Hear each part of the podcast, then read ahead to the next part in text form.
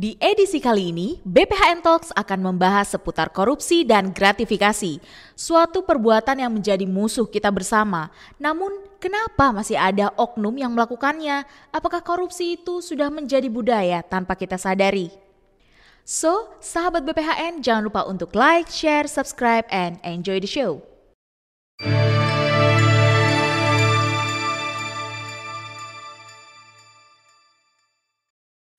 Halo sahabat BPHN, selamat datang di BPHN Talks Obrolan santai seputar regulasi dan isu hukum terkini Mulai dari obrolan warung kopi hingga tingkat tinggi. Berjumpa lagi dengan saya Nurul Rohma di acara yang selalu kita tunggu BPHN Talks Sahabat BPHN, akhir-akhir ini sedang marak terungkap kasus gratifikasi, suap, pungli, dan korupsi ya dan sudah pada tahap penangkapan yang beritanya dilakukan oleh oknum aparat pemerintah. Hmm, pandemi belum berakhir, kasus korupsi pun juga tidak kalah meningkatnya ternyata ya. Sebenarnya kenapa sih kok permasalahan ini tidak selesai-selesai sejak dulu?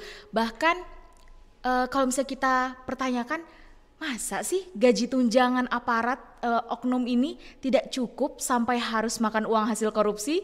Untuk itu, kita telah menghadirkan teman ngobrol kita yang telah terhubung dan akan menemani kita pada episode kali ini. Beliau adalah Ibu Yulia Wiranti atau sering kami sapa sebagai Mbak Lia.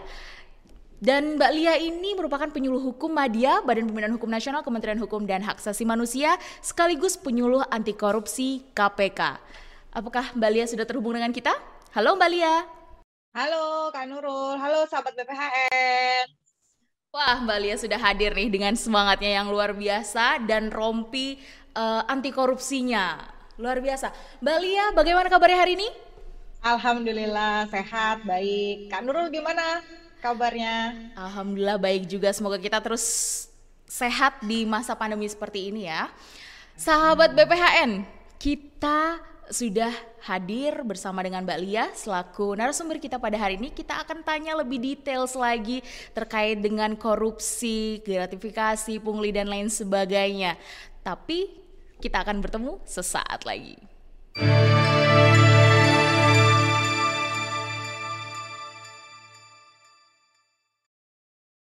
Sahabat BPHN, terima kasih untuk tetap bersama BPHN Talks. Kita sudah bersama dengan penyuluh uh, anti korupsi dari KPK sekaligus penyuluh hukum Badan Pembinaan Hukum Nasional.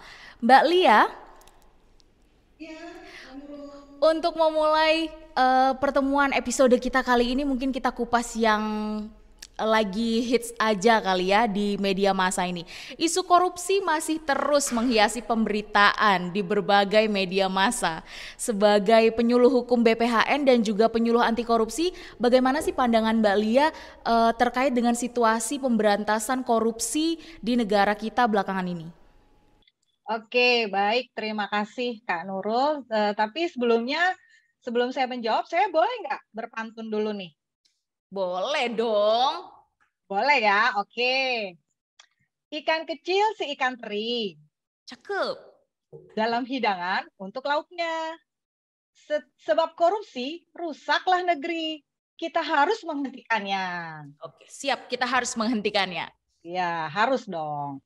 Jadi, sahabat BPHN, juga Kak Nurul, di mana pun Anda berada, penting untuk saya sampaikan di sini bahwa tadi terkait dengan pertanyaannya Kak Nurul ya, bagaimana uh, situasi pemberantasan korupsi kita di, di, di negara kita pada saat ini. Jadi di dalam strategi pemberantasan korupsi itu ada tiga, Kak Nurul. Jadi itu harus saling bersinergi dan simultan ya. Jadi yang pertama itu adalah upaya represif. Jadi strategi represif ini adalah upaya penindakan hukum untuk menyeret koruptor ke pengadilan. Dan ini adalah menjadi ranahnya para aparat penegak hukum. Nah, kemudian yang kedua adalah upaya pencegahan. Pencegahan ini sebagai strat satu strategi yang dilakukan melalui penyuluhan, edukasi, kampanye anti korupsi, juga pembelajaran pendidikan anti korupsi dengan tujuan membangkitkan kesadaran masyarakat mengenai dampak korupsi. Kemudian mengajak masyarakat untuk terlibat dalam gerakan pemberantasan korupsi serta membangun perilaku dan budaya anti korupsi kepada seluruh segmen masyarakat, mulai dari usia dini sampai masyarakat umum. Nah, nah seperti yang kita lakukan saat ini nih di BPHN Talks, Kak Nurul, ini merupakan bagian dari mengedukasi eh, dan memberikan kampanye anti korupsi kepada masyarakat. Kemudian tidak kalah pentingnya adalah perbaikan sistem karena banyak sistem yang diterapkan di Indonesia itu masih memberikan peluang terjadinya tindak pidana korupsi nih Kak Nurul. Oleh karena itu, sistem yang baik harus bisa meminimalisir terjadinya tindak pidana korupsi. Oleh karena itu, contoh-contoh dari perbaikan sistem itu salah satunya adalah mendorong transparansi penyelenggara negara seperti yang dilakukan oleh KPK dengan menerima pelaporan LHKPN nih, laporan harta kekayaan penyelenggara negara, dan juga gratifikasi. Kemudian memberikan rekomendasi kepada kementerian dan lembaga terkait untuk melakukan langkah-langkah perbaikan. Kemudian yang tak kalah pentingnya adalah memodernisasi pelayanan publik dengan on, sistem online nih, sahabat BPHN dan Kak Nurul. Dan sistem pengawasan yang terintegrasi nih. Jadi agar lebih transparan dan efektif. Nah, eh, perlu perlu eh, saya sampaikan di sini bahwa ternyata ada indikator eh, keberhasilan mengukur sejauh mana upaya pemberantasan korupsi itu dilakukan Kak Nurul. Jadi mungkin sahabat BPHN pernah mendengar namanya IPK, Indeks Persepsi Korupsi, bukan indeks prestasi kumulatif ya, itu teman-teman mahasiswa itu ya. Ini IPK ada indeks persepsi korupsi. Jadi ini dikeluarkan oleh suatu organisasi non pemerintah tingkat internasional yang biasa kita kenal dengan uh, Transparansi Internasional atau TI. Jadi institusi ini mengeluarkan sebuah hasil survei tentang korupsi. Hasil survei ini kemudian dirilis setiap tahunnya yang dikenal sebagai IPK ini. Nah, Skor IPK ini adalah merupakan suatu gambaran atau sebuah gambaran tentang situasi dan kondisi korupsi pada level suatu negara atau teritori. Nah, jadi eh, perlu saya jelaskan di sini, IPK itu jadi mengumpulkan data dari sejumlah sumber yang berbeda yang memberikan persepsi di kalangan pelaku bisnis dan para pakar tentang tingkat korupsi di sektor publik nih, Pak Nurul. Nah, di mana range-nya itu kalau skor di mana skor 0 itu dipersepsikan sebagai kondisi yang korup dan skor 100 itu sebagai kondisi yang dipersepsikan bersih dari korupsi. Jadi semakin tinggi angka skor IPK suatu negara, maka persepsinya semakin bersih. Sebaliknya, semakin rendah angka skor IPK, maka persepsinya juga semakin korup. Nah, bagaimana dengan Indonesia nih? Nah, Indonesia di tahun 2020 itu skor IPK-nya sedikit mengalami penurunan nih Kak Nurul dari tahun 2019. Tahun 2019 IPK kita bisa mencapai pada skor 40. Tapi pada tahun 2020 menurun 3 poin menjadi 37. Tapi ini dianggap menurun secara signifikan ternyata. Dan yang paling berpengaruh memang adalah ketika kondisi pandemi yang kita mulai pada tahun 2020 lalu ya, kondisi pandemi COVID-19. Nah, karena dengan penurunan indeks yang juga dipengaruhi oleh situasi pandemi COVID-19 ini akhirnya menghadirkan dua krisis nih Kak Nurul. Krisis ekonomi dan krisis kesehatan. Ditambah pula korupsi yang merusak pelayanan publik saat terjadi krisis juga berpotensi sepanjang penanganan COVID-19. Nah, sekarang untuk meningkatkan lagi skor IPK itu apa yang harus kita lakukan? Makanya upaya pemberantasan korupsi di masa mendatang itu harus mengacu pada perbaikan yang tidak difokuskan hanya pada satu fokus area, tapi eh, harus ditujukan pada berbagai fokus area. Salah satunya misalnya pada perbaikan kualitas penegakan hukum kita, kondusivitas iklim usaha dan investasi, serta yang tidak kalah pentingnya adalah penerapan integritas politik nih, sahabat BPHN. Jadi eh, tentunya penurunan skor ini akan memberikan banyak pelajaran berharga nih. Jadi fokus area dalam pemberantasan korupsi tidak bisa dipisahkan satu dengan lainnya. Di mana ketika kita akan melakukan perbaikan iklim, iklim investasi, maka sejalan dengan hal tersebut diperlukan juga upaya penegakan integritas nih, etik dan hukum untuk mencegah risiko korupsi yang timbul, Kak Nurul, juga sahabat BPHN. Baik, Mbak Lia, tadi aku mendapatkan beberapa insight ya ternyata dan faktanya. Kalau misalnya kita bilang skor IPK Indonesia sudah 40 nih di 2019, kemudian turun 3 poin di 2020, bisa dikatakan nggak keadaan negara kita sebenarnya secara IPK itu miris? Eh uh, ya sosok lah ya. sosok lah. Jadi memang itu tadi karena uh, kondisi pandemi itu berdampak ya tadi sudah sudah saya jelaskan tadi di uh, awal jadi menyebabkan dua krisis tadi itu krisis eh, krisis ekonomi dan krisis kesehatan Kak Nurul dan ditambah pendegakan hukum kita mungkin yang belum maksimal. Mungkin sudah tapi belum maksimal. Nah itu berpengaruh ternyata uh, kepada apa? Kepercayaan. Tadi kan skor IPK itu didasarkan pada uh, apa? Data-data sumber dari uh, apa? Persepsinya para pelaku bisnis dan para pakar di, sektor-sektor publik nih Kak Nurul. Jadi itu adalah opininya si publik dalam ini berkaitan dengan bagaimana sih tingkat korupsi di Indonesia untuk sektor publik dan ini memang sudah uh, transparansi internasional ini ada suatu organisasi internasional sudah kredibel seperti itu. Dan kalau bisa dijadikan contoh, siapa sih negara yang peringkatnya paling skornya paling bagus itu ternyata diduduki oleh tiga negara Skandinavia, Denmark, Finlandia, dan satu lagi itu uh, saya lupa ya, pokoknya Denmark dan Finlandia nih yang Finlandia ini saya jadi uh, ada cerita sedikit. Pernah suatu satu waktu itu seorang perdana menterinya itu mengundurkan diri ketika masa jabatannya baru hanya 69 hari. Karena apa? Karena dia merasa berbohong kepada rakyatnya. Dia malu. Nah, keteladanan itu kan yang sebetulnya harus kita butuhkan juga di negeri kita ini. Jadi, dia merasa malu karena dia sudah berbohong kepada rakyatnya, akhirnya dia mengundurkan diri. Di masa kepemimpinannya hanya 69 hari. Alasannya kenapa dia mundur?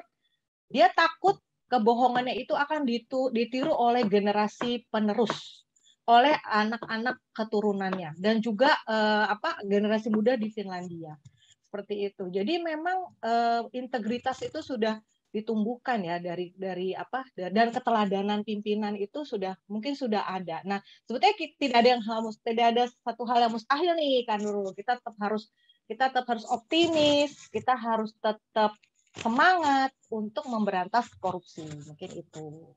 Oke Mbak Lia, dari tadi kita ngomongin tentang korupsi nih, tapi uh, korupsi masih terus meningkat dan masyarakat tuh selalu dapat image-nya dari media kan lagi-lagi oknum aparat lagi, aparat lagi seperti itu.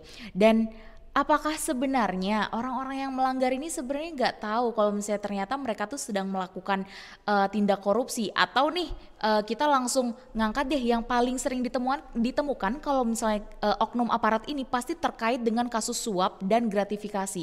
Boleh dijelaskan nggak Mbak Lia sebenarnya apa perbedaan pengertian dan perbedaan dari antara suap dan gratifikasi?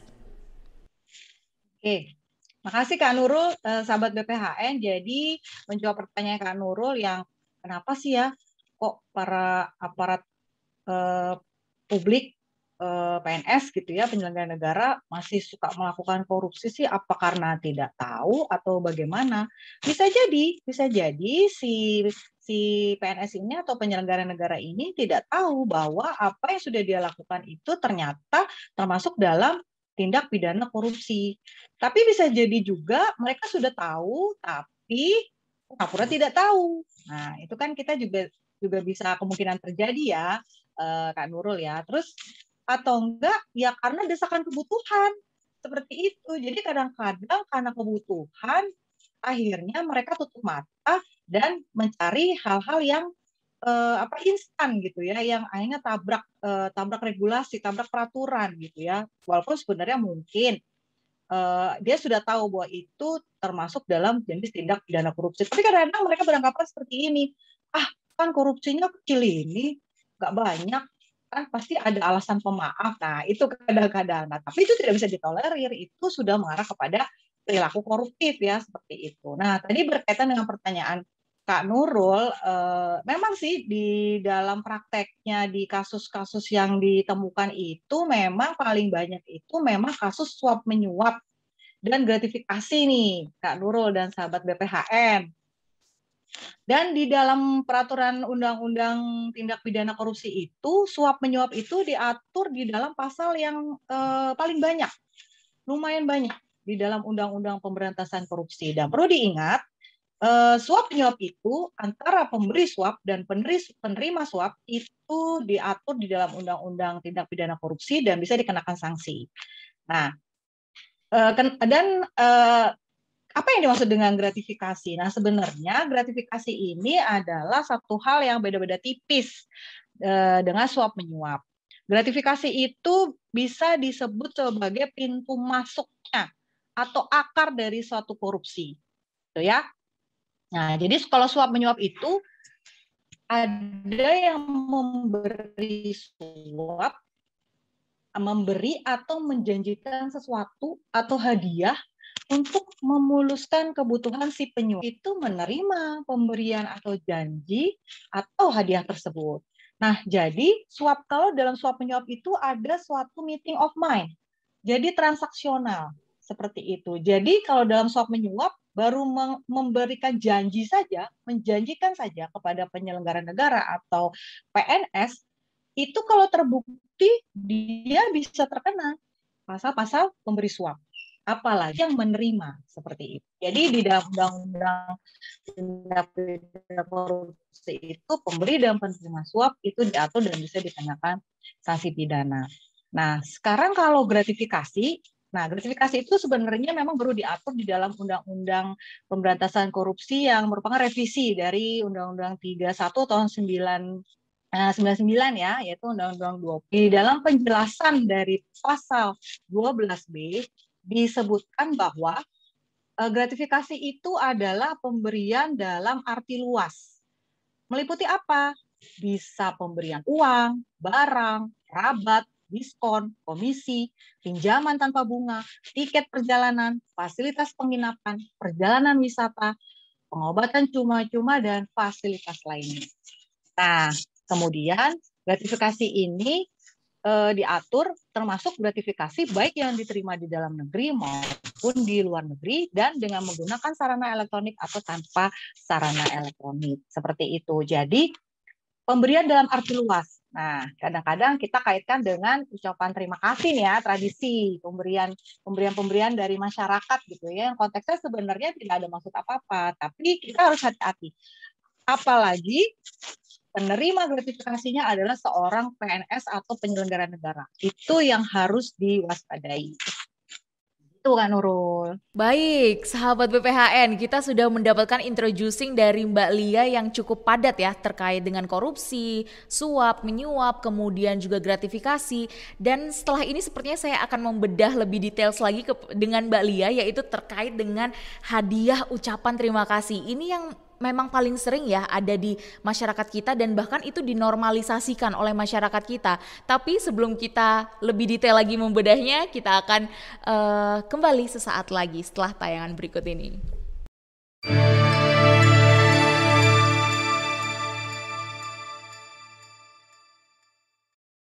Welcome back in BPHN Talks. Terima kasih sahabat BPHN yang masih setia untuk berada di BPHN Talks. Kita tadi sudah semakin seru ya membahas terkait dengan korupsi, suap menyuap dan gratifikasi. Dan mungkin sekarang kita akan memfokuskan nih Mbak untuk berbicara terkait dengan persoalan gratifikasi.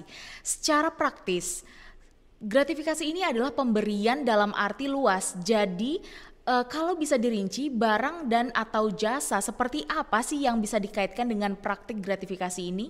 Silakan Mbak Lia. Oke, nah itu tadi yang sudah seperti saya sebutkan di awal ya. Jadi uh, jenis-jenisnya itu tidak hanya selalu dalam bentuk uang, bisa barang, barang itu bisa luas ya Kak Nurul, sahabat BPHN, bisa ya misalkan kain yang harganya puluhan juta, atau berlian, atau jam tangan, tapi yang uh, harganya lumayan lumayan mahal itu ya itu, dan juga kemudian rabat, jadi uh, rabat gitu ya, diskon, komisi, pinjaman apa bunga, tiket perjalanan misalnya nih, uh, sebagai ucapan terima kasih kita sebagai penyelenggara dapat bonus nih oleh pengusaha karena proyeknya goal ya gitu ya. Padahal kita nggak minta seperti itu ya, kita nggak minta. Tapi si pengusaha ini memberikan fasilitas tiket perjalanan gratis buat kita dan keluarga kita. Nah, itu kan sebetulnya dalam bukan dalam bentuk uang, tapi itu masuk ranah gratifikasi. Nah, tapi yang perlu uh, saya harus state adalah sebetulnya gratifikasi itu uh, seperti apa ya pemberian yang wajar itu sebetulnya sebagai ucapan terima kasih sih sebenarnya sah-sah saja. Karena uh, sudah menjadi budaya gitu ya sahabat BPHN Kak Nurul. Karena sudah menjadi budaya tradisi bahwa suatu pemberian itu adalah wajar. Bisa dari sisi agama budaya pergaulan dan etika. Misalnya nih pada saat peringatan peristiwa-peristiwa spesial hari raya keagamaan lebaran apa biasanya sering pada kirim parcel kan? Parcel. Nah, parcel. Terus kemudian ketika kita promosi atau suatu pejabat itu promosi, terus kemudian sebagai ekspresi persahabatan, misalnya ulang tahun ya. Balia, maaf saya, pot saya potong. Uh, uh, Balia, maaf saya potong. Nominalnya berapa sih sampai dikategorikan sebagai gratifikasi? Karena kalau misalnya kita mau bilang parcel, parcel ada loh yang harganya cuma 200 ribu, 250 ribu, masa itu gratifikasi sih? Nah, itu pertanyaan bagus. Jadi kalau jadi gini ya, batasan-batasan itu intinya ada gratifikasi yang wajib dilaporkan dan ada yang tidak wajib dilaporkan. Nah, di kementerian kita nih, Kak Nurul dan sahabat BPHN di Kementerian Hukum dan HAM, kita juga sudah punya nih peraturan Menteri Hukum dan HAM nomor 58 tahun 2016 tentang pengendalian gratifikasi di lingkungan Kementerian Hukum dan HAM. Jadi masing-masing instansi kementerian lembaga itu punya uh, aturan aturannya masing-masing nih Kak Nurul. Memang dari KPK sudah memberikan guidance ya, sudah memberikan uh, apa namanya batasan-batasan, uh, tapi untuk teknisnya itu diserahkan kepada masing-masing uh, kementerian atau lembaga. Nah, jadi kalau di dalam peraturan kementerian hukum dan HAM kita itu memang sudah diatur nih gratifikasi yang wajib dilaporkan dan yang tidak wajib dilaporkan gitu ya. Yang wajib dilaporkan misalnya yang berkaitan dengan apa? Eh, tugas dan berkaitan dengan jabatan tapi bertentangan atau berlawanan dengan kewajiban dan tugasnya. Jadi gratifikasi yang berindikasi suap ini diatur dalam pasal 12B Undang-Undang eh, Pemberantasan Tindak Pidana Korupsi. Nah, itu jika tidak dilaporkan itu bisa dikenakan sanksi. Jadi sebenarnya gini, gratifikasi itu ketika dia e, berindikasi suap, jika dia dilaporkan oleh si penerima gratifikasi dalam waktu jangka, jangka waktu 30 hari, dia tidak akan dikenakan sanksi. Gitu ya. Jadi ini juga mengedukasi masyarakat bahwa jangan takut kalau seandainya kita mau melaporkan apakah barang yang kita terima itu termasuk gratifikasi atau bukan. Seperti itu. Nah, di sini sudah diberikan batasan oleh Kementerian Hukum dan HAM. Gratifikasi yang pertama, gratifikasi yang wajib dilaporkan adalah gratifikasi yang diterima oleh pegawai yang berhubungan dengan jabatannya dan atau berlawanan dengan kewajiban atau tugasnya dalam tugas kedinasan atau di luar tugas kedinasan. Nah, ini adalah mengacu pada pasal 12B Undang-Undang Pemberantasan Tindak Pidana Korupsi. Artinya gratifikasi gratifikasi yang berindikasi suap karena berkaitan dengan jabatan, berlawanan dengan tugas dan kewajibannya. Itu harus dilaporkan. Nah, bagaimana dengan gratifikasi yang tidak wajib dilaporkan? Di dalam Permenkumham kita sudah diatur ada dua, yang terkait dengan tugas kedinasan dan tidak terkait dengan tugas kedinasan. Yang terkait dengan tugas kedinasan misalnya Pemberian pihak ketiga yang berubah cindera mata dalam kegiatan resmi kedinasan seperti rapat, seminar, workshop, konferensi, pelatihan, atau kegiatan lain sejenis. Jadi misalnya nih kita kan suka ikut seminar nih ya, seminar, workshop, terus kita dapat apa seminar kit, dapat cindera mata misalnya kalau dalam pandemi gini kita dikasih masker, kita dikasih sanitizer. Nah, itu kan berlaku sama untuk semua peserta seminar itu tidak perlu dilaporkan walaupun kita sebagai penyelenggara. Jadi ini objeknya gratifikasi itu harus diwaspadai ketika si penerimanya itu adalah PNS atau penyelenggara negara. Itu yang harus di highlight. Itu harus diwaspadai oleh kita seperti itu. Ya. Terus kemudian pemberian pihak ketiga. Nah, ini yang tidak wajib dilaporkan ya, pemberian pihak ketiga yang berupa kompensasi misalnya honor, transportasi, akomodasi. Jadi ketika kita ditugaskan ya untuk menjadi narasumber di suatu instansi, kemudian kita dapat honor nih Nah, eh, jasa profesi kita sebagai narasumber, selama itu tidak menimbulkan pembiayaan ganda, artinya dari instansi kita tidak menganggarkan itu, itu boleh kita terima dan tidak tidak perlu dilaporkan. Termasuk juga mungkin akomodasinya. Jadi misalnya saya atau Kak Nurul diundang ke Kanwil di daerah seperti itu, itu atas biaya Kanwil gitu ya itu monggo-monggo saja selama tidak ada pembiayaan ganda gitu ya itu tidak perlu dilaporkan Nah, kemudian yang tidak terkait dengan tugas kedinasan yang tidak wajib dilaporkan. Itu tadi pemberian karena hubungan keluarga nih. Misalkan bapak pada anak, kakek, nenek, suami, istri gitu ya, ponakan, cucu, sepanjang tidak memiliki konflik kepentingan. Jadi ada persyaratannya di belakang. Sepanjang tidak memiliki konflik kepentingan. Itu tidak wajib dilaporkan. Kemudian hadiah bisa dalam bentuk uang, jasa, atau barang. Misalnya dalam rangka pesta pernikahan nih. Misalnya atasan kita nih mantu gitu ya, terus kita mau memberikan angpau ibaratnya. Itu dibatasi, dibatasi gitu ya, nilainya paling banyak satu juta per orang nggak boleh lebih gitu ya. Itu kalau lebih ya wajib dilaporkan. Nanti nanti diteliti oleh oleh uh, unit pengendali gratifikasi dan KPK jadi intinya melaporkan itu bukan berarti terus itu pasti milik negara. Itu pasti akan diambil uh, sebagai kas uh, untuk masuk kas negara. Tidak. Itu akan diteliti direview gitu ya oleh UPG CQ KPK eh, gitu bahwa oh ini ternyata tidak bukan gratifikasi yang berindikasi suap jadi oke okay, sah bisa dikembalikan bisa dimiliki seperti itu.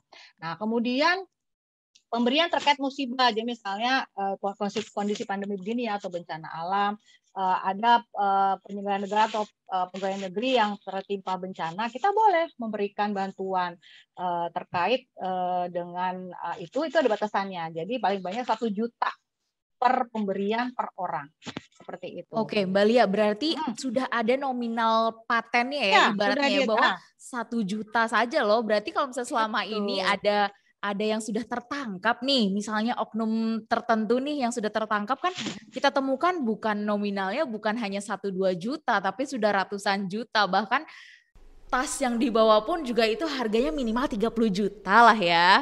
Oke, Mbak Lia, tadi yang menarik adalah terkait dengan uang terima kasih. Itu kan sering sekali ya kita temukan apalagi kalau di itu kita tuh yang paling sering menghadapi hal-hal seperti itu. Karena budaya di masyarakat kita tuh kan ketika ditolong harus memberikan sesuatu. Padahal niatnya hanya sesuatu untuk uh, baik sesuatu yang baik seperti makanan dan lain sebagainya. Tapi itu menjadi sebuah kebiasaan yang dinormalisasi oleh masyarakat kita. Nah, tanggapan dari Mbak Lia sendiri sebenarnya bagaimana sih kita bisa memutus uh, mata rantai ini karena sudah seperti kebiasaan dan dinormalisasi? Oke, jadi uh, sebenarnya uh, gratifikasi itu kan jadi pemberian ya. Jadi sebenarnya secara ucapan terima kasih kita anggap mungkin hal yang wajar. Oke, uh, bagaimana memutus rantai itu. Jadi ya kalau misalkan kita sebagai penyelenggara negara, sebagai PNS, kalau dirasa kita menerima gratifikasi kita ragu, ya lebih segas kita tolak. Seperti itu, itu tuh memutus mata rantai. Tolak saja gitu loh. Walaupun memang e, ternyata memang gratifikasi itu aman gitu ya, yang tidak wajib dilaporkan. Uh, jadi tolak saja seperti itu. Nah, tapi ada dua ada dua ada dua sikap ya yang mungkin tips bisa tips buat uh, para penyelenggara negara dan juga para pegawai negeri. Uh, sikap kita terhadap ketika kita disodorkan atau dihadapkan pada gratifikasi. Yang pertama pola apalagi jika terindikasi gratifikasi itu eh, gratifikasi suap yang berindikasi suap itu jelas-jelas nanti kalau kita terima tidak dilaporkan itu masuk pasal 12 loh. Ada sanksi pidananya seperti itu. Karena batas waktunya 30 hari setelah kita menerima gratifikasi kita wajib melaporkan kepada unit pengendali gratifikasi CQ KPK seperti itu. Kemudian eh, ketika gratifikasi itu diterima langsung tidak tegas-tegas kita tolak saja seperti itu itu lebih aman seperti itu. Tapi ada juga karena merasa nggak enak ya gitu ya akhirnya kita terima. Oke kita terima ya. Tapi habis itu laporkan. Jadi nggak perlu takut ini untuk mengedukasi juga nih untuk sahabat BPHN kalau kita menerima karena kadung nggak enak nih mau nolak nggak enak nih gitu kan kita terima saja. Tapi habis itu laporkan. Laporkan kepada unit pengendali gratifikasi di masing-masing uh, satuan kerja seperti itu. Terus ketika gratifikasi itu tidak diterima secara langsung oleh kita. Berarti kan nggak nggak mungkin kita punya anak buah yang yang dikasih ke anak buahnya titip ya buat bos kamu gitu kan anak buah nggak mungkin nolak gitu kan terima nah itu yang diterima tidak langsung itu laporkan saja tidak masalah jadi tidak perlu takut kepada teman-teman eh, PNS dan penyelenggara negara untuk melaporkan gratifikasi justru dengan tidak dilaporkan ketika itu berindikasi suap ketahuan bisa kena sanksi pidana. Terus Baik. kemudian ragu satu lagi nih kan ragu ragu. Ini gratifikasi termasuk gratifikasi yang suap atau bukan ya nah, lebih baik terima laporkan. Baik berarti kita bisa mengedukasi rekan-rekan kita juga ya yang aparat pemerintah terutama bahwa ketika ada pemberian kita ya hanya bisa memang ada dua sikap. Tolak dengan tegas atau kita terima tapi laporkan Luar biasa, kita cukup mendapatkan banyak insight dari Mbak Lia nih terkait dengan penanggulangan atau pencegahan tindak korupsi, gratifikasi dan suap, uh, terutama bagi uh, teman-teman aparat seperti itu. Dan kita ternyata kedatangan tamu nih, ada tetangga sebelah nih, Mbak Lia yang mengalami keresahan. Kita sepertinya harus mendengarkan keresahan ini dulu ya. Kita akan kembali sesaat lagi.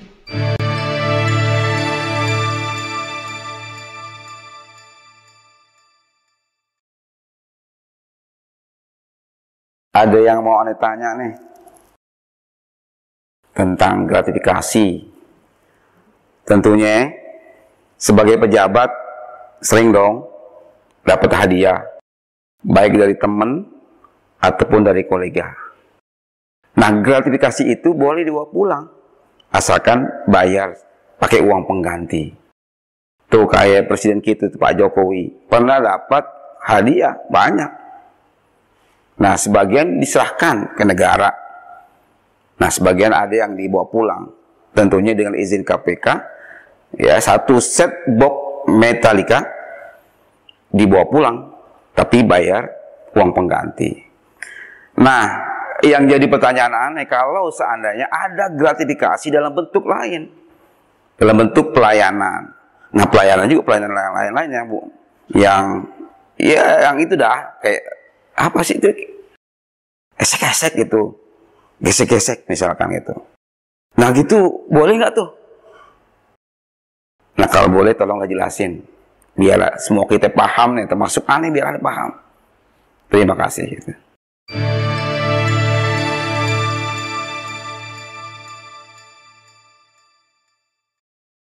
Wah, Mbak Lia tetangga kita ternyata udah mulai membahas nih gratifikasi esek-esek. Apa sih itu Mbak Lia? Wow, gratifikasi esek-esek. Mungkin istilahnya apa ya? Gratifikasi seksual ya.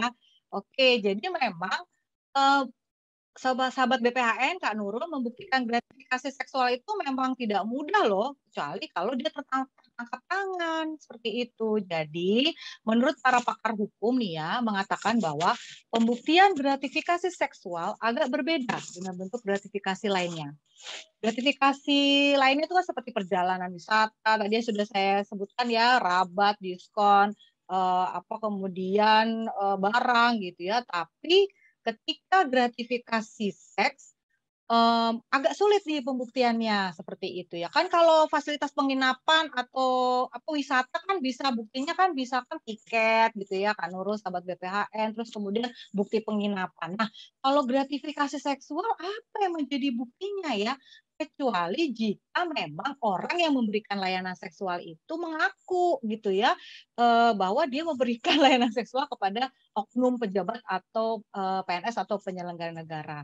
Dan ini juga harus disertai oleh alat bukti yang lain karena kalau satu alat bukti itu tidak secara alat bukti menurut hukum acara pidana itu tidak tidak tidak bisa minimal harus dua alat bukti. Nah, selain misalkan pengakuan dari yang memberikan layanan seks juga harus didukung dengan bukti bahwa ada hubungan komunikasi. Tetapi menurut pakar-pakar hukum juga bahwa gratifikasi seksual itu sebetulnya bisa dikategorikan sebagai suatu gratifikasi jika itu memenuhi unsur-unsur pasal 12B. Jadi misalnya dia si penyelenggara oknum penyelenggara negara atau PNS ini diberikan gratifikasi seksual karena berhubungan dengan jabatannya. Uh, ya berhubungan dengan jabatannya dan berlawanan dengan tugas dan kewajibannya. Nah, ini di dalam pasal 12B ini kan sebenarnya itu bisa eh, termasuk dalam gratifikasi yang berindikasi suap. Hanya di dalam pasal 12B kan diatur, jika nilai gratifikasinya itu lebih dari 10 atau lebih dari 10 juta, maka yang membuktikan bahwa gratifikasi itu bukan suap adalah si penerima gratifikasi. Nah, kalau itu kurang dari 10 juta, maka yang membuktikan bahwa gratifikasi itu termasuk suap adalah penuntut penuntut umum. Nah, sekarang nih Kak Nurul sama sahabat BPH, BPHN, bagaimana mengukur nilai gratifikasi seksual seperti itu. maaf nih, oknum penyelenggara negara, pejabat dan PNS yang menerima layanan seksual, apa ada notanya? Apa ada kwitansinya? Seperti itu. Ya, kalau tidak ada pengakuan sangat sulit seperti itu. Jadi eh, yang patut diperhatikan pula adalah ketika si penerima layanan seksual itu juga misalnya sudah mengaku dan melaporkan ya dalam jangka waktu. Kan di pasal 12-nya diatur bahwa ketika itu gratifikasi berindikasi suap dalam waktu 30 hari sejak menerima gratifikasi harus dilaporkan.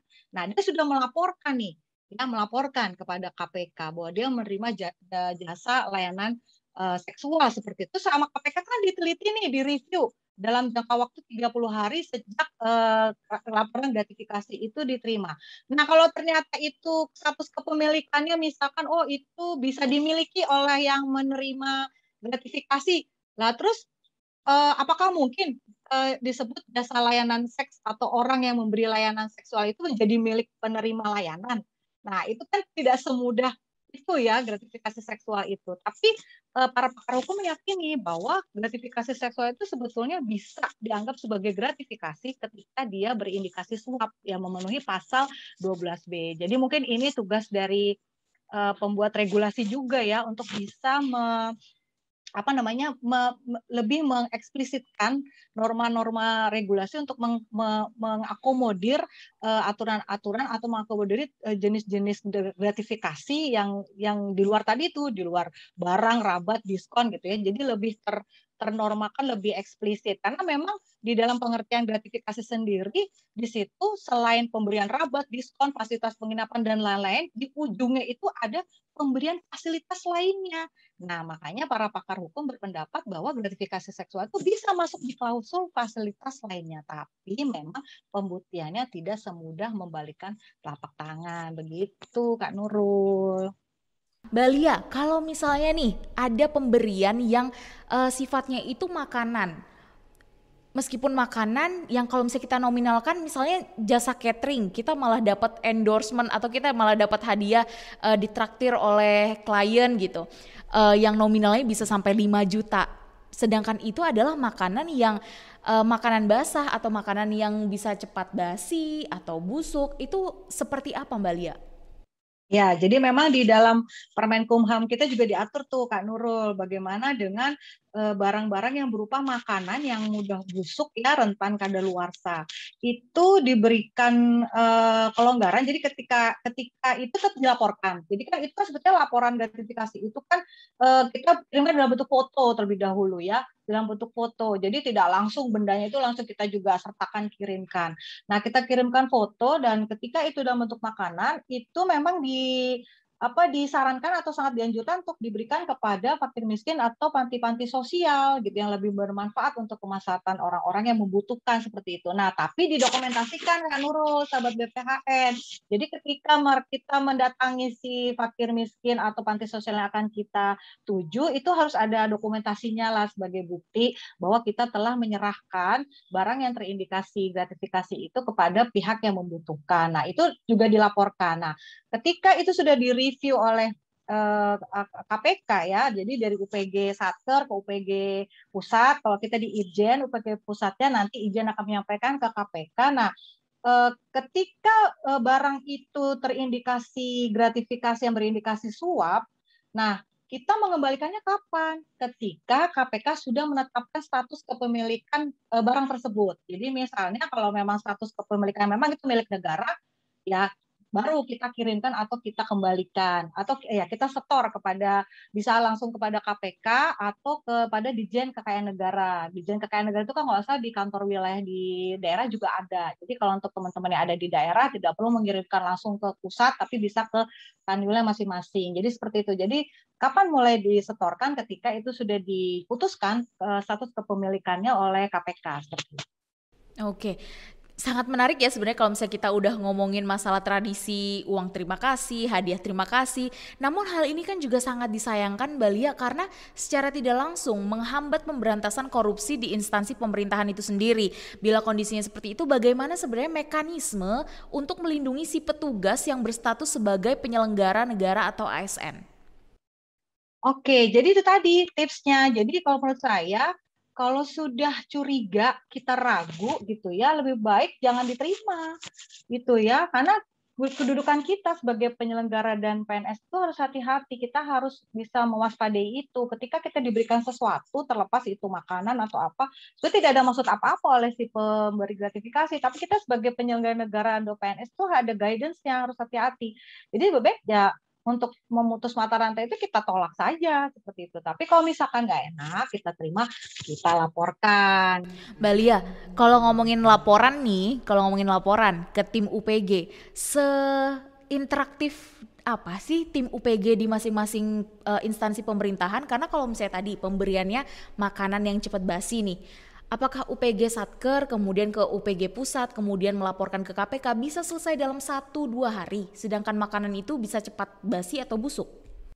Nah, itu tadi kalau makanan tadi eh, prosesnya langsung kita bagikan saja, tapi penyerahannya okay. itu kita dok kita dokumentasikan. Oh, tetap itu. dokumen ya, ya berarti ya. Iya, jadi dokumen. Dan dan pada saat pelaporan itu juga semua barang-barang yang di luar makanan pun kita kirimnya dalam bentuk foto saja dulu Kak Nurul, sahabat BPHN. Jadi jadi tadi saya sampaikan ketika itu sudah ditetapkan status kepemilikannya, bahwa itu menjadi milik negara misalnya, baru kita sebagai yang menerima gratifikasi nih, kita harus setor, kita harus berikan seperti Pak Jokowi lah seperti itu. Jadi uh, dia tahu ini berindikasi gratifikasi berindikasi suap ya, walaupun mungkin Pak Jokowi tidak tidak tidak ini cuma ya mungkin karena ketidaktahuannya juga oleh yang pemberi gratifikasi karena sebagai kehormatan ya sebagai ya tanda terima kasih atau sebagai apa ya karena kenangan sebenarnya tapi itu hati-hati kalau kita sebagai seorang pejabat publik penyelenggara negara dan PNS.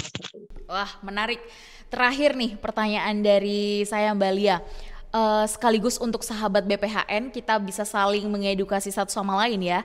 Apa dan bagaimana sih peran serta uh, masyarakat sahabat BPHN ini dalam melaporkan gratifikasi dan membangun budaya anti korupsi khususnya di Badan Pembinaan Hukum Nasional.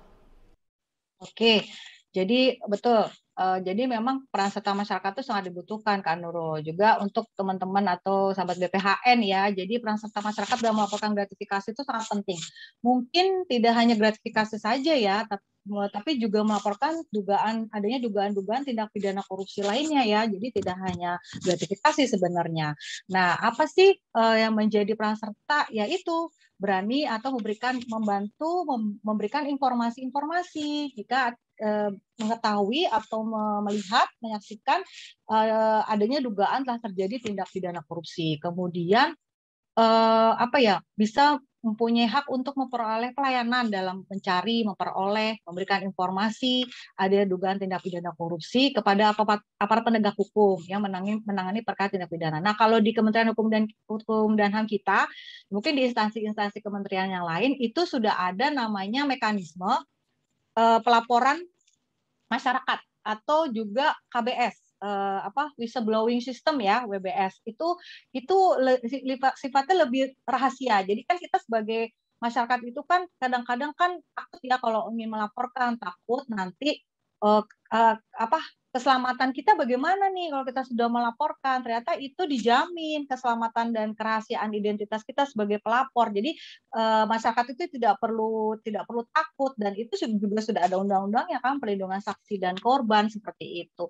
Tapi dicatat jangan sampai masyarakat juga setelah melaporkan atau memberikan informasi terkait ada dugaan tindak pidana korupsi terus mereka akhirnya yang mengekspos di media sosial. Itu yang berbahaya seperti itu. Jadi kadang-kadang kita itu uh, kepingin dirahasiakan identitas kita dijaga kerahasiaan tapi kita sendiri yang kadang-kadang tidak disadari me, apa ya me, me, mem, mempublikasikan. Mm, mm, mempublikasikan itu di media sosial seperti itu. Itu yang berbahaya itu jangan jangan dilakukan seperti itu. Terus kemudian uh, juga dalam hal pencegahan gitu ya uh, mungkin membangun budaya anti korupsi itu penting dilakukan sejak dini dari dalam keluarga. Jadi ingat tuh slogan kita waktu dulu eh, zaman-zaman eh, ketika dulu ya di pusat penyuluhan hukum itu ada jargon kita itu membangun budaya hukum sejak dini dari keluarga gitu ya itu penting karena keluarga adalah miniatur miniatur e, negara terkecil ya dan di situ peran orang tua sangat penting untuk membangun budaya anti korupsi bagi generasi generasi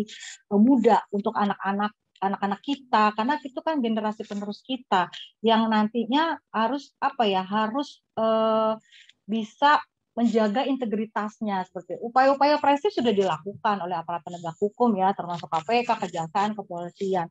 Tapi itu tidak akan bisa berjalan ketika upaya eh, pencegahan atau edukasi kampanye itu tidak dilakukan. Oleh karena itu sudah peran serta masyarakat itu bisa juga di ranah pencegahan seperti itu. Jadi kalau tadi ranah represif kan ada dugaan melaporkan, berani untuk melaporkan. Tapi ketika pencegahan itu berpartisipasi, berperan serta bahwa bagaimana nih membangun budaya anti korupsi untuk menjadikan segala sesuatu itu menjadi satu kebiasaan, jadi perilaku yang membudaya, perilaku anti korupsi korupsi yang membudaya seperti itu. Jadi eh, apa namanya bukannya bukannya hanya menjadi tanggung jawab pemerintah saja, tapi kita bahu membahu eh, berpartisipasi dalam rangka eh, pencegahan, pencegahan bahkan syukur-syukur pemberantasan tindak pidana korupsi begitu. Wah menarik sekali nih kalau misalnya kita ngomongin masalah uh, korupsi gratifikasi ya Mbak Lia karena uh, ketika kita mengajak atau kita ketika kita menuntut pemerintah pemerintah ternyata banyak juga peran serta masyarakat yang bisa membantu pemerintah untuk mengoptimalisasikan perannya ya dalam memberantas korupsi ini sendiri. Salah satunya adalah melakukan tindak uh, pencegahan dan itu dimulai dari masyarakat. Bahkan masyarakat sekarang pun juga bisa melakukan pengawasan. Apabila ingin melaporkan pun juga sekarang negara dengan masing-masing instansi memiliki layanan-layanan yang sangat terbuka untuk menerima laporan langsung dari masyarakat dan dilindungi. Seperti itu. Baik Mbak Lia, apakah ada closing statement untuk sahabat BPHN baik itu untuk mengajak atau uh, kita bersama untuk bekerja bersama sih secara sinergis baik dari sisi pemerintah, penyuluh hukum dan juga masyarakat. Ya mungkin apa ya closing statementnya ya jadikan perilaku anti korupsi itu sebagai budaya ya gitu ya. Jadi uh, kita mulai biasakan dari hal yang kecil lah. Kita mulai biasakan dari hal yang kecil, dimulai dari diri sendiri dan dimulai dari saat ini, jangan ditunda-tunda gitu ya. Dan uh, itu akan dilakukan uh, apa akan berdampak apabila itu dilakukan secara terus-menerus dan masif gitu ya. Masif jadi tidak hanya saya saja, Kak Nurul, sahabat BPH ini, tapi semua elemen masyarakat gitu ya termasuk juga uh, para para para pemangku kebijakan. Ya itu tadi contoh ketauladanan pimpinan tuh sangat sangat penting ya bagi bagi bagi kita gitu. Jadi memberikan contoh yang baik bagaimana uh, perilaku anti korupsi itu dikedepankan seperti itu. Dan ini menjadi tanggung jawab bersama tidak hanya pemerintah tapi juga semua elemen masyarakat nih Kak Nurul untuk bisa uh, berusaha mendukung strategi pencegahan dan pemberantasan uh, tindak pidana korupsi. Baik, sahabat BPHN, itu tadi uh, bedah kasus kita pada episode kali ini kita sudah banyak sekali mendapatkan uh, terkait ilmu terkait dengan suap menyuap, gratifikasi, korupsi yang baik itu juga yang telah dilakukan atau yang selama ini selalu dinormalisasi di masyarakat kita dengan pemberian hadiah atau ungkapan terima kasih yang ternyata itu bisa masuk dalam kategori gratifikasi. Dan tadi kita juga sudah mendapatkan banyak uh, fakta bahwa ternyata ada ukuran tersendiri gratifikasi itu sejumlah apa dan bagaimana penanganannya dan bagaimana juga cara kita mengendalikan uh, tindak korupsi maupun gratifikasi itu sendiri. Luar biasa, terima kasih sekali lagi untuk Mbak Lia yang sudah berkenan hadir pada hari ini di BPHN Talks. Semoga tidak bosan jika ada kesempatan lagi untuk kita bisa membahas lebih banyak lagi terkait dengan korupsi atau nanti kita akan membahas kasus tersendiri bagaimana negara bisa melindungi uh, masyarakatnya dan bisa melakukan pencegahan yang secara optimal itu seperti apa. Apalagi pada masa pandemi kita menemukan banyak sekali kasus-kasus uh, tindak korupsi yang semakin marak terjadi uh, alhamdulillahnya sih kita sekarang udah uh, semakin baik ya. Kinerja KPK sendiri juga dalam memberantas korupsi itu sudah sangat agresif menurut saya. Akan tetapi memang ketika kita berbicara tentang kepuasan masyarakat masih uh, selalu ada kurangnya, selalu ada kurangnya. Tapi di sini justru kita bisa mengajak sahabat BPHN untuk kita bersama-sama bekerja secara sinergis mengajak juga peran dari masyarakat sahabat BPHN untuk bisa terlibat langsung dalam melakukan tindak pencegahan korupsi itu sendiri. Terima kasih sekali lagi Mbak Lia. Oke, boleh aku tutup dengan pantun? Boleh. Tadi dibuka oleh pantun, silahkan ditutup oleh pantun. Iya baik. Burung merpati si burung dara. Cakep. Makan jagung di tengah lapangan. Sebab korupsi rakyat sengsara. Jadi kita harus katakan jangan. Terima kasih sahabat BPHN. Harus katakan jangan. Harus berani juga untuk melaporkan. Well, sahabat BPHN, sekali lagi kita hari ini sangat seru dengan Mbak Lia karena semangat Mbak Lia sendiri sebagai penyuluh hukum anti korupsi itu juga memberikan vibes yang positif kepada kita terutama yang ada di studio BPHN Talk sendiri. Sahabat BPHN sangat disayangkan karena waktu kita terbatas membahas hal ini. Kita akan berjumpa kembali dengan episode-episode lainnya untuk membahas obrolan warung kopi hingga isu tingkat tinggi lainnya. Hanya di BPHN Talk. Saya Nurul Rohma bersama seluruh kru yang bertugas mengucapkan terima kasih karena setia bersama kami. Tetap patuhi protokol kesehatan sesuai dengan anjuran pemerintah. Stay safe, stay healthy everyone dan sampai jumpa.